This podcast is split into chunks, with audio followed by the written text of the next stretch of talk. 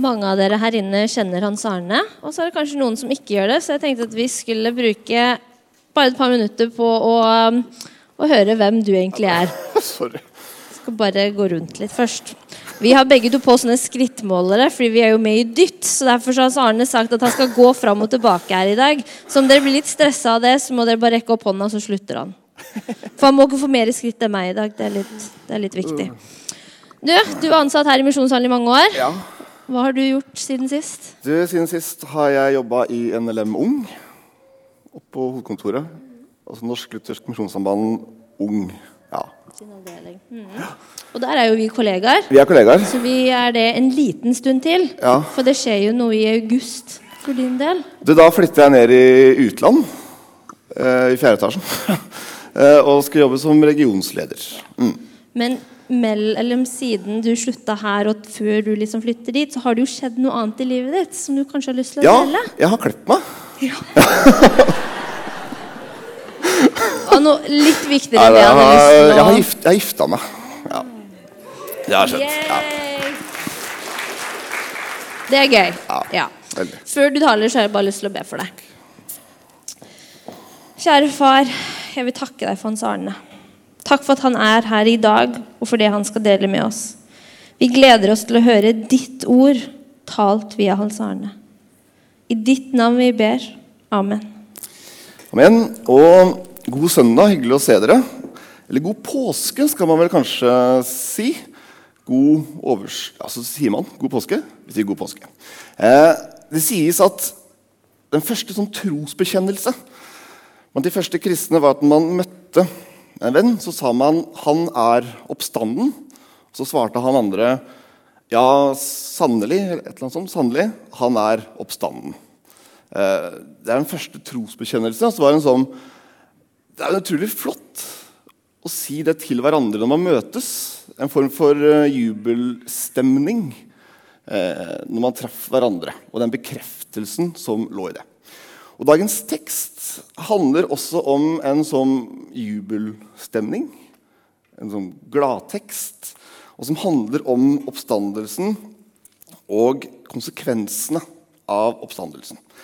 Så vi skal lese fra 1. Peters brev 1, 3-9.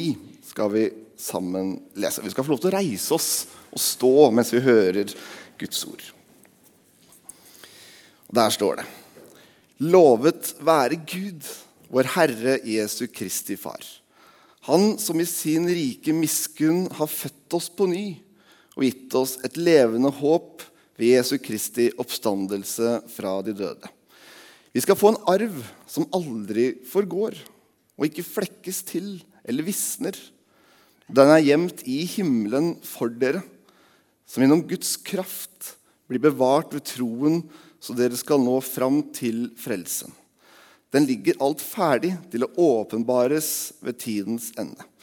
Derfor kan dere juble av glede, selv om dere nå en kort tid må ha det vondt i mange slags prøvelser, om så skal være. Slik blir troen deres prøvet. Selv forgjengelig gull blir prøvet i ild. Troen, som er mye mer verdt, må også prøves, så den kan bli til pris og herlighet og ære for dere når Jesus Kristus åpenbarer seg. Ham elsker dere enda dere ikke har sett ham. Ham tror dere på enda dere ikke ser ham. Og dere jubler og er fylt av en glede så herlig at den ikke kan rommes i ord. For dere når troens mål, frelse for sjelene. Amen. Vær så god og sitt. En sånn tekst som er, er så mye å snakke om. Det er så mye å ta tak i. Men vi skal se på noen par ting. Vi rekker ikke alt. Men vi ber litt først. Kjære far, vi legger denne andakten i dine hender. Jeg ber om at du må være her hos oss. Eh, I ditt navn. Amen.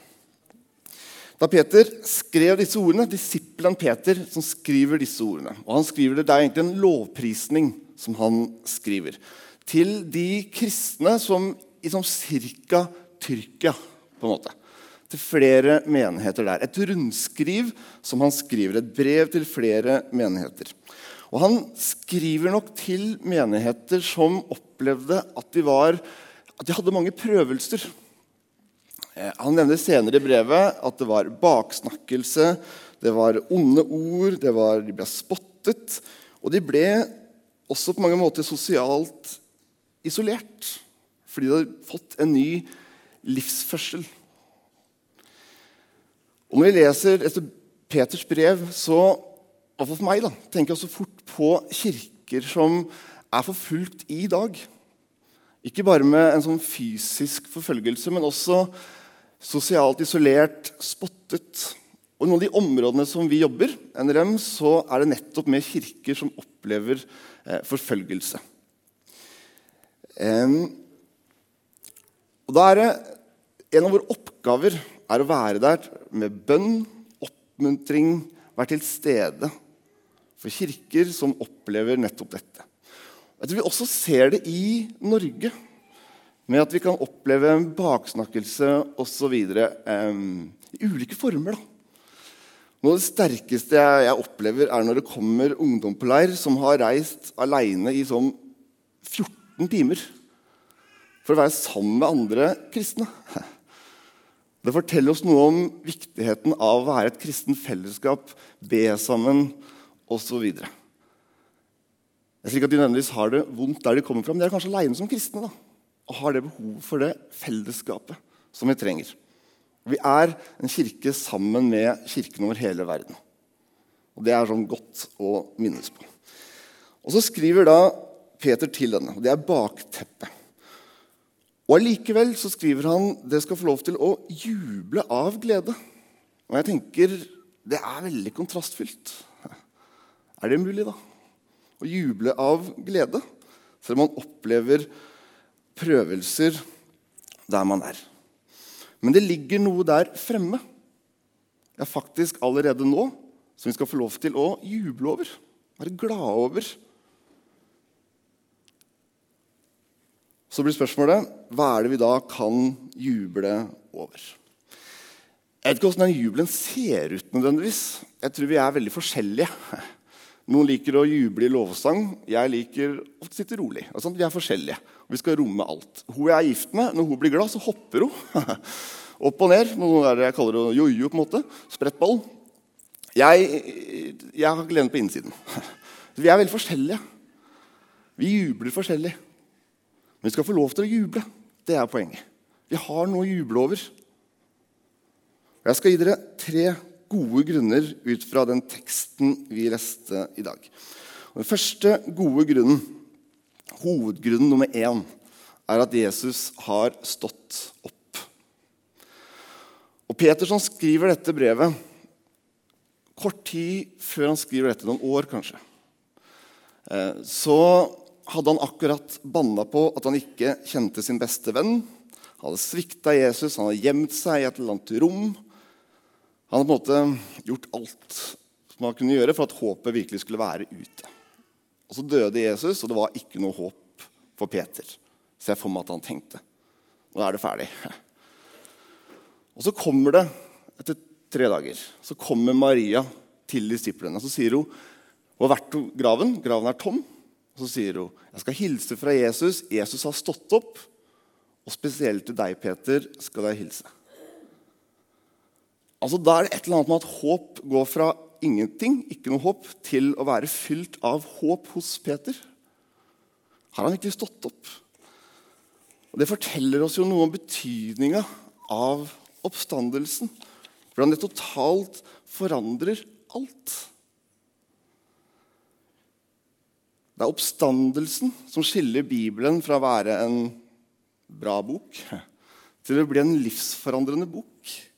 Det er oppstandelsen som forandrer skal vi si, Jesus til å være en bra mann, til å bli Guds sønn. Det er oppstandelsen som gjør at vi kan komme til Gud. Seira fra død til liv.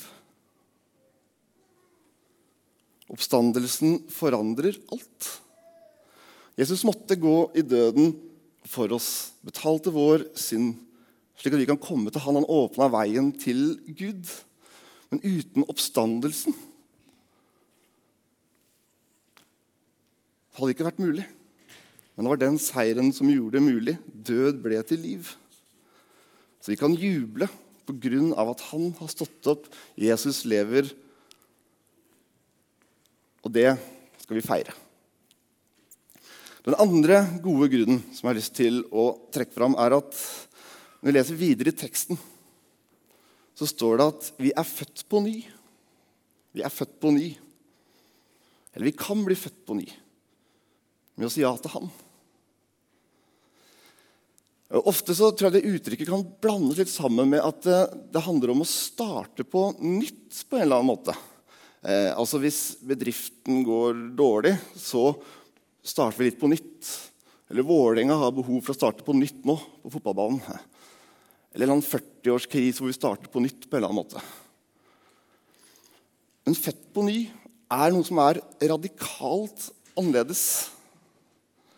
Det er noe som er ja, noe helt annet enn bare å starte noe på nytt. Og Uttrykket 'født på ny' introduseres av Jesus i møte med Nikodemus, fariseeren, som kom til Jesus midt på natta.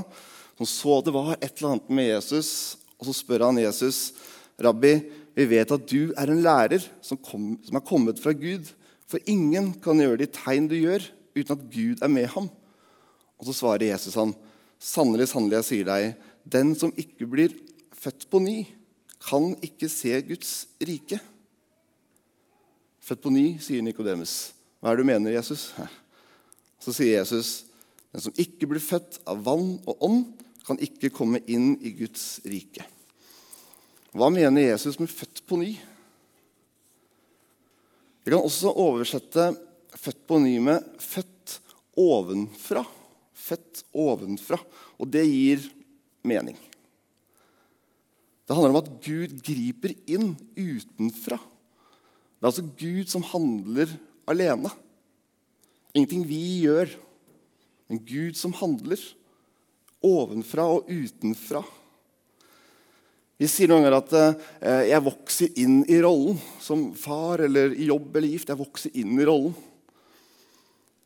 Men å bli født på ny er ikke et eh, resultat av at de vokser inn i en religiøs forståelse eller en eller annen religiøs utvikling. Det er noe som skjer, som Gud gjør. På ny. Det er Gud som handler, og vi blir født inn i det. Vi vokser bare ikke inn i det. Og Det er en radikal forandring som utelukker alle, altså alle andre frelsesveier som best i test eller gode gjerninger. For det er Gud som handler. Derfor skriver Johannes alle som tok imot ham, dem ga ham rett til å bli Guds barn, de som tror på hans navn. Å bli Guds barn handler om å komme til Gud, og Gud som gjør noe i våre liv. Og vi mottar Den hellige ånd. Det betyr at jeg kan ikke gå via en eller sende en eller annen prest eller en, en pastor eller Jan Erik forsamlingsleder til Gud. Jeg må komme til Gud. Jeg husker vi, når jeg var sånn 14 Nei, kanskje ikke så gammel. 12, da. Så var vi på leir. Og Da sendte vi gjerne en, en kompis til å spørre ei jente om hun ville bli sammen med meg. Um, da var det to ting å huske på. Da Første så måtte hun vite hvem jeg var, så jeg måtte gjøre et nummer ut av meg selv. i forkant. Og det andre var at han måtte, han, han måtte kunne snakke for seg, han jeg sendte. Som at uh, han kunne overtale henne til å si ja. For det var veldig viktig. Som at hun sa ja til slutt. Men vi kan ikke sende en bestekompis til Gud. Eller en organisasjon. Det er vi som møter Gud. For det fins bare én mellommann, og det er Jesus. Han som gikk i døden og sto opp. Og så må vi møte Gud og si ja til Han.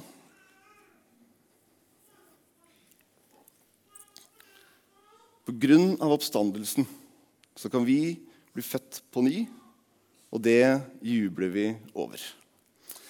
Det tredje punktet er at vi har fått et levende håp av oppstandelsen. Vi har et håp, og i teksten så leste vi 'gitt oss et levende håp' ved Jesus Kristus' oppstandelse fra de døde. Og Hva ligger i det håpet? Der kunne vi sagt mye. Men noe av det som ligger i det håpet, er at det er en arv eller en himmel som ligger ferdig for oss. Den er klargjort. Og det står at den skal ikke flekkes til, eller den skal ikke visne. Den er altså ren. På denne jorda kan vi oppleve prøvelser, fristelser, synd, ondskap, smerte osv. osv. Men himmelen er ikke visnet til. Den er ren. Det er en plass uten synd, uten sykdom, uten smerte, hvor det bare er godt. Den er ren, det håpet vi har. Og så skal det en gang åpenbares til det fulle, med tidens ende, står det. Og Vi vet ikke alt om himmelen. Jeg tror vi vet fryktelig lite om himmelen. Jeg tror det er så mye større, mektigere og rikere enn vi noen gang kan fatte med vår fornuft. Hvordan det blir i himmelen. Men det er også noe av kristendommens mysterie. Hvordan det blir i himmelen. Og la oss for all del la det bli, la det være et mysterium. For I det øyeblikket vi prøver å forstå himmelen fullt ut, så gjør vi også Gud liten. For vi fatter ikke hvordan himmelen blir. For det blir så mektigere og større enn vi kan forstå. Men en dag så skal den åpenbares for oss. Men på den veien til det endelige håpet så står det videre i teksten vi leste, at Guds kraft bevarer troen. Det også er en del av håpet vårt. At Guds kraft bevarer troen vår. Vi kan si at Gud vokter troen vår, som vi har på Han. I møte med fiender, fristelser og prøvelser så har vi en Gud som er sterkere enn alt. Jeg sier ikke at vi ikke kan legge vekk troen eller forlate troen. Når vi tror på Gud, så skal han vokte troen vår. Det er jo fantastisk flott. Han har ikke bare trukket seg tilbake, men han er i oss med sin hellige ånd. Jeg fikk et, en mail fra en av de områdene vi jobber eh, hvor en person skrev, som ofte, flere ganger har vært inn og ut av fengsel, så skrev han når han ble satt inn, fikk han en sånn kraft over seg. skrev. Jeg vet ikke om vi forstår det, eller jeg forstår det iallfall ikke helt. Men den kraften er jo den samme kraften som reiste Jesus opp fra de døde. Den kraften bor i oss ved Den hellige ånd. Så ja, hvorfor ikke? Kommer den kraften men han trengte det som mest. For Gud vokter troen vår.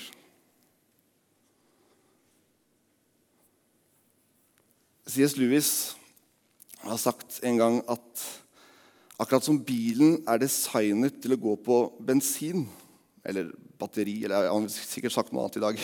Men designet til å gå på bensin er vi designet til å gå på Gud. Bilen trenger kraft. Vi trenger kraft. Gud. Gud lever i oss, og vi er avhengige av den ånden som kristne. Så for å oppsummere de tre punktene Å være født på ny til et levende håp er mulig pga. oppstandelsen. Og Det er det Peter skriver at vi skal juble over. For oppstandelsen faktisk har skjedd. Jesus lever. Og Det handler ikke om at Gud prøvde å vise seg frem. Vise en sånn derre 'Pappa min er sterkere enn pappaen din'-greie. Det var noe han måtte gjøre for at vi skal få komme til Gud. Så måtte han dø, og han måtte stå opp. Og det gir oss et levende håp. Derfor sier Jesus, 'Men dere ser meg, for jeg lever' og dere skal også leve. Og så blir det endelige målet vårt, det endelige levende håpet, blir et bryllup i himmelen, som vi leser om i Johannes' åpenbaring. Det, det bryllupet i himmelen er mulig fordi oppstandelsen gjør det mulig. Vi blir født på ny til det bryllupet, og det er håpet vårt. Og det bryllupet så er det han som er brudgom, og kirken er bruden. Og kirken er representert med alle kristne fra alle stammer som har sagt ja til han og født på ny. Det er det håpet vårt. Og uten sammenligning for øvrig i det hele tatt, så gifta jeg meg i vinter. Da hadde jeg bryllup.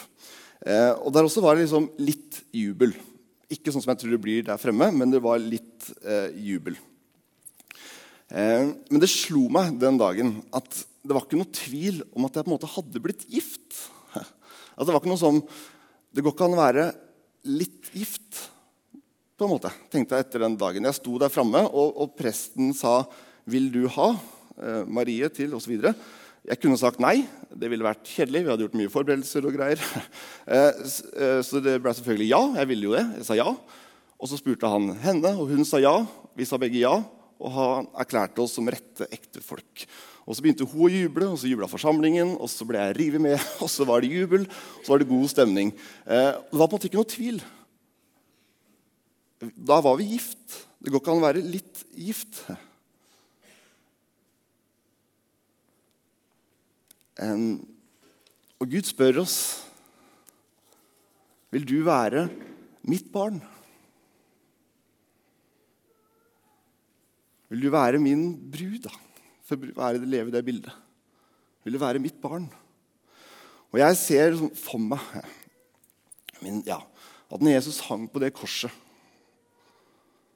og stilte han seg kanskje det spørsmålet Vil du ha de menn og kvinner som står foran korset, de som akkurat har spotta deg?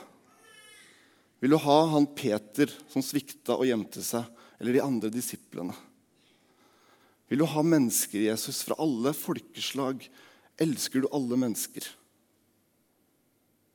Vil du, Jesus, ha de som sitter i misjonssalen i 2016?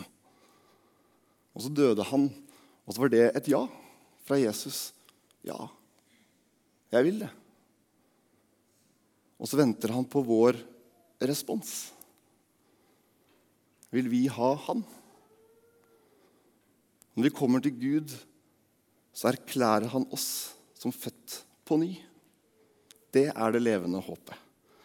Derfor sier Jesus, 'Jeg er oppstandelsen og livet'. Den som tror på meg, skal leve, om han enn dør. Og hver den som lever og tror på meg, skal aldri i evighet dø. Derfor kan vi juble. Amen.